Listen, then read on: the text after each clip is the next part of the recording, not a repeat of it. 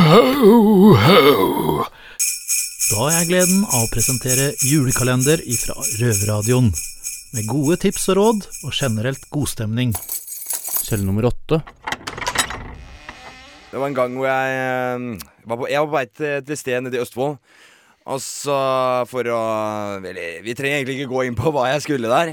Men eh, i hvert fall. Jeg kjørte en stjålet bil, da. Uh, det var noe snusk som fore, skulle foregå, liksom.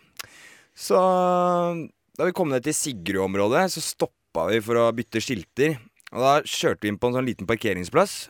eh, som så liksom nokså sånn skjerma ut og liksom lå for seg sjæl.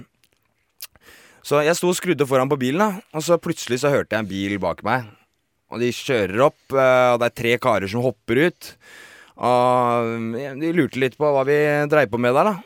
Eh, og så Bilen den var liksom grisestjålet, for å si det sånn. Det er godt synlig stjålet. Så de kara skjønte ganske kjapt at eh, vi ikke hadde bare rent mer i posen, da. Så jeg liksom Jeg syns jeg dro kjensel på han ene karen, da.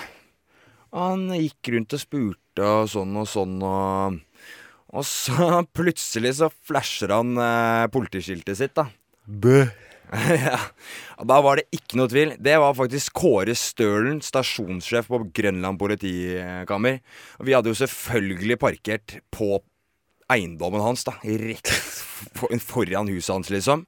Han hadde fått med seg alt vi hadde gjort. Så kort oppsummert så ble det natt på glatta i Ski.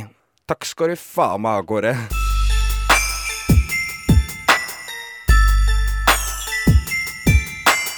Ho, ho.